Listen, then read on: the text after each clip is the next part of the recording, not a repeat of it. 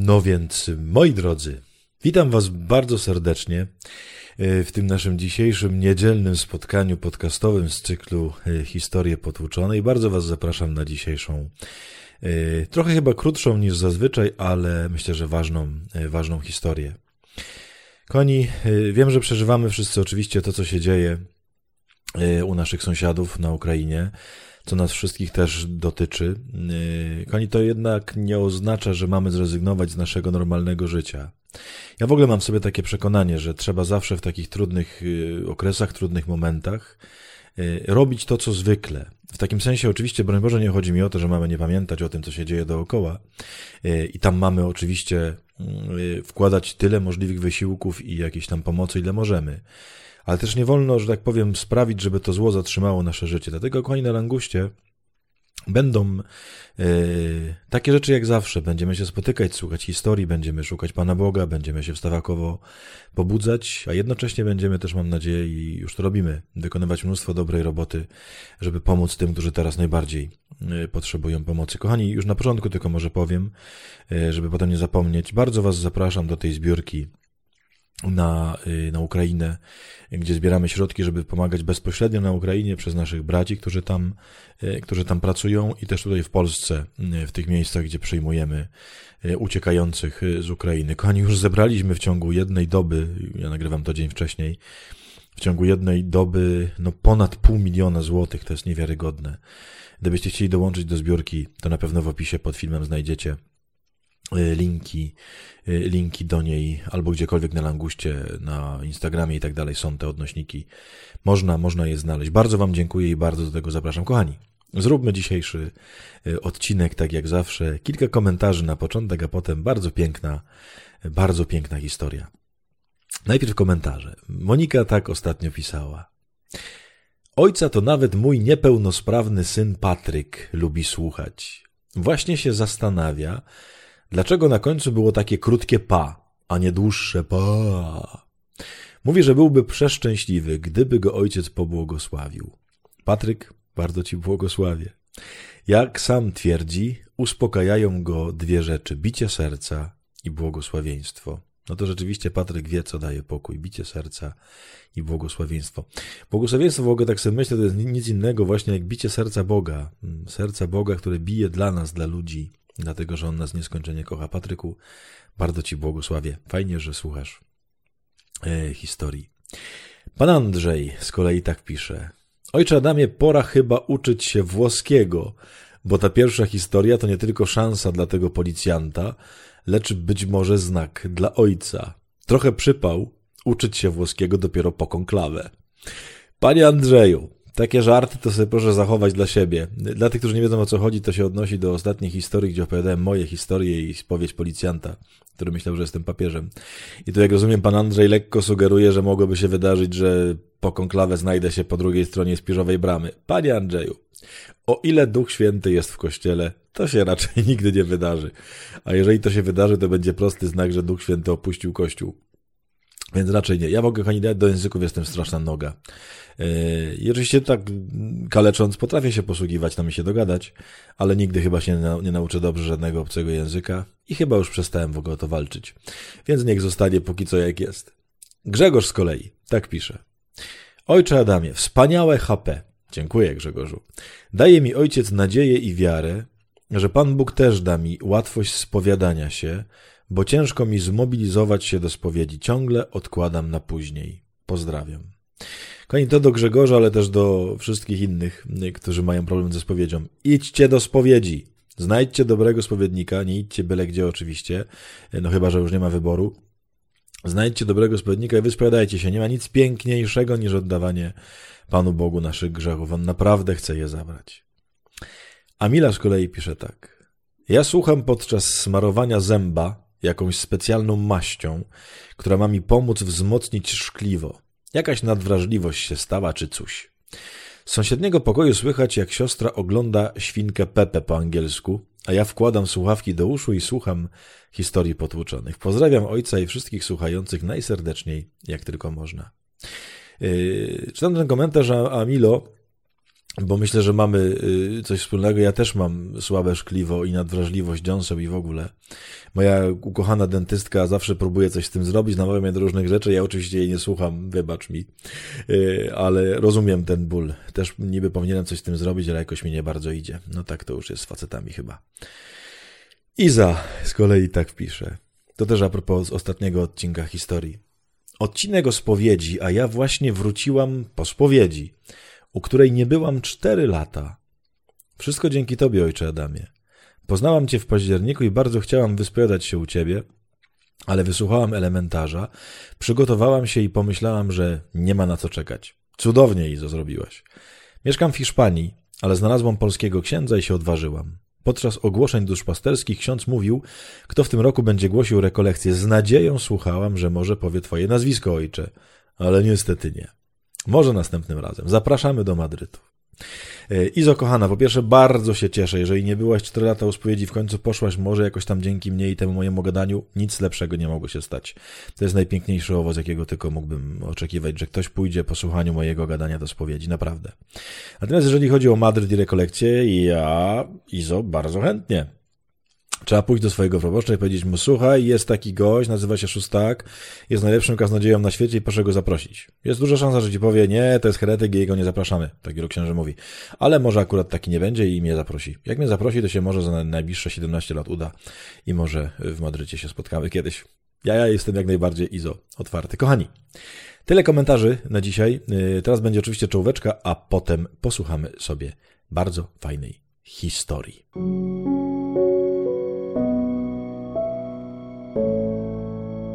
To są historie potłuczone.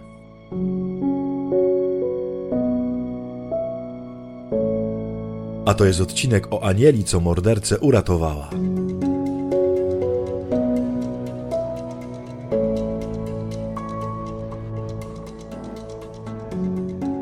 Moi drodzy, moi mili, moi ulubieni, moi ukochani.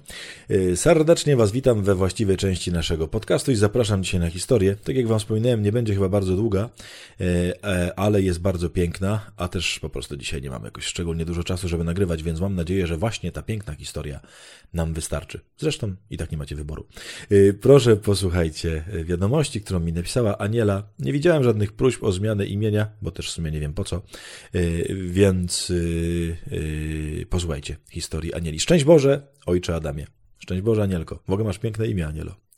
Na imię mam Aniela, tak to już wiem, i chciałabym opowiedzieć historię, która przydarzyła mi się już ponad 6 lat temu. Najwyższa pora, Anielo, żeby się nią podzielić. Może zacznę od tego, że nie mieszkam w Polsce, tylko za zachodnią granicą.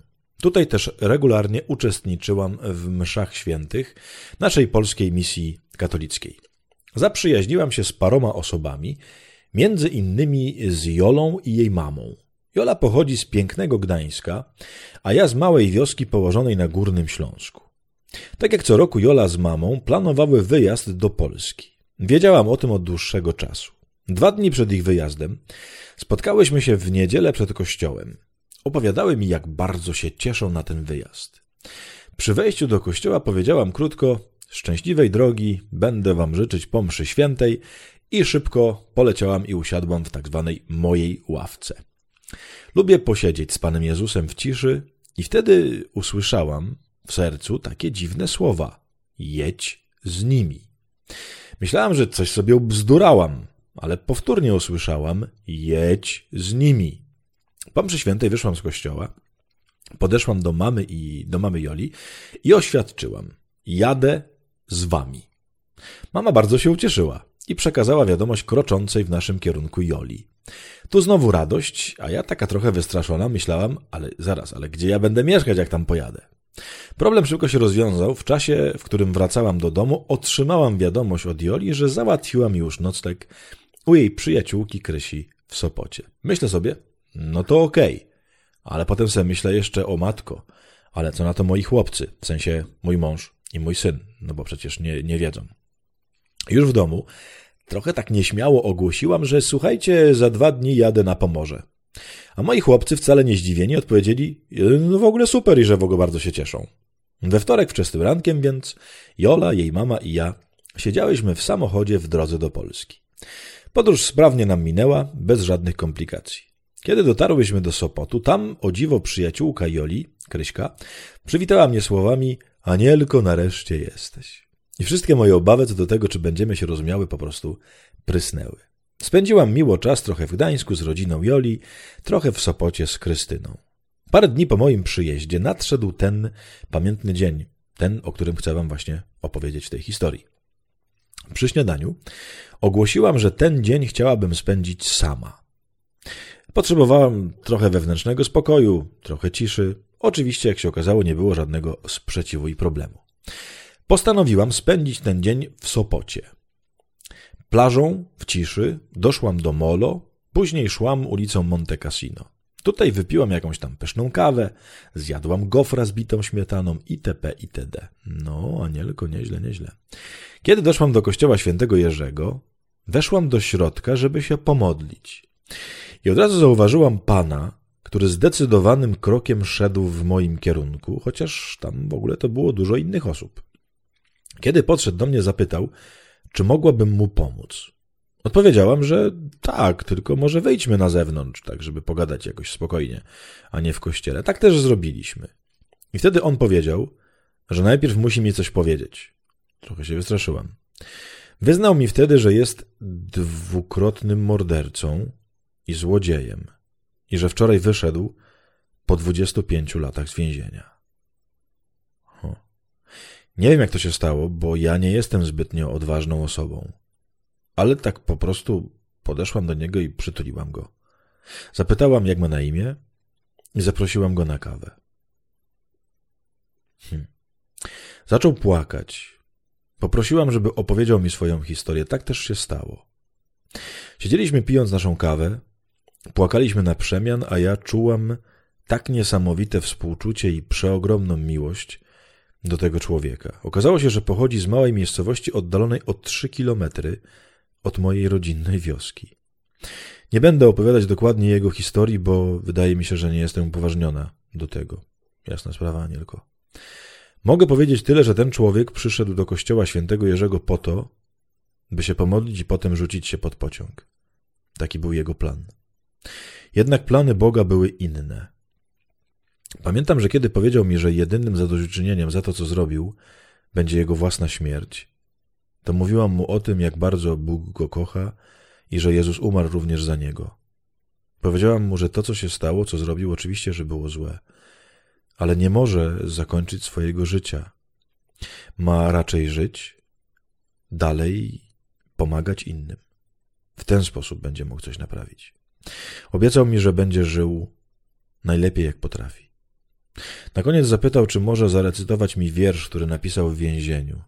Wiersz miał tytuł Wiersz dla anioła, którego spotka na wolności. Kurczę, to chyba byłam ja. Oj, i znowu się poryczałam. Łzy leciały jak wielkie grochy. Później jeszcze zapytał, czy mogłabym go jeszcze raz przytulić. Przytuliłam go i tak to się rozeszliśmy każdy w swoją stronę. On w stronę dworca, a ja do kościoła świętego Jerzego. Gdzieś w połowie drogi odwróciliśmy się jeszcze raz i pomachaliśmy sobie, uśmiechnięci.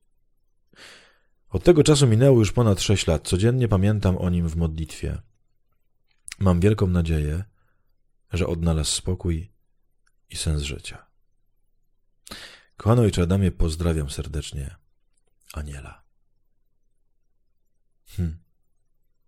Moi drodzy, bardzo mnie ujęła ta historia, bardzo jest piękna. Krótka, ale myślę, że tu nie ma co więcej opowiadać. Zobaczcie, to jest typowy sposób działania Pana Boga. Pan Bóg lubi takie sytuacje. Nie mówię, nie mówię, że zawsze się nimi posługuje, ale lubi takie sytuacje. Gdzie bierze kogoś z jakiegoś jednego końca świata, bo wie, że ten ktoś ma w sobie otwarte serce i każe mu jechać na drugi koniec świata. No ja wiem, że może Niemcy i Polska to nie są końce świata, ale jednak jest to kawałek drogi.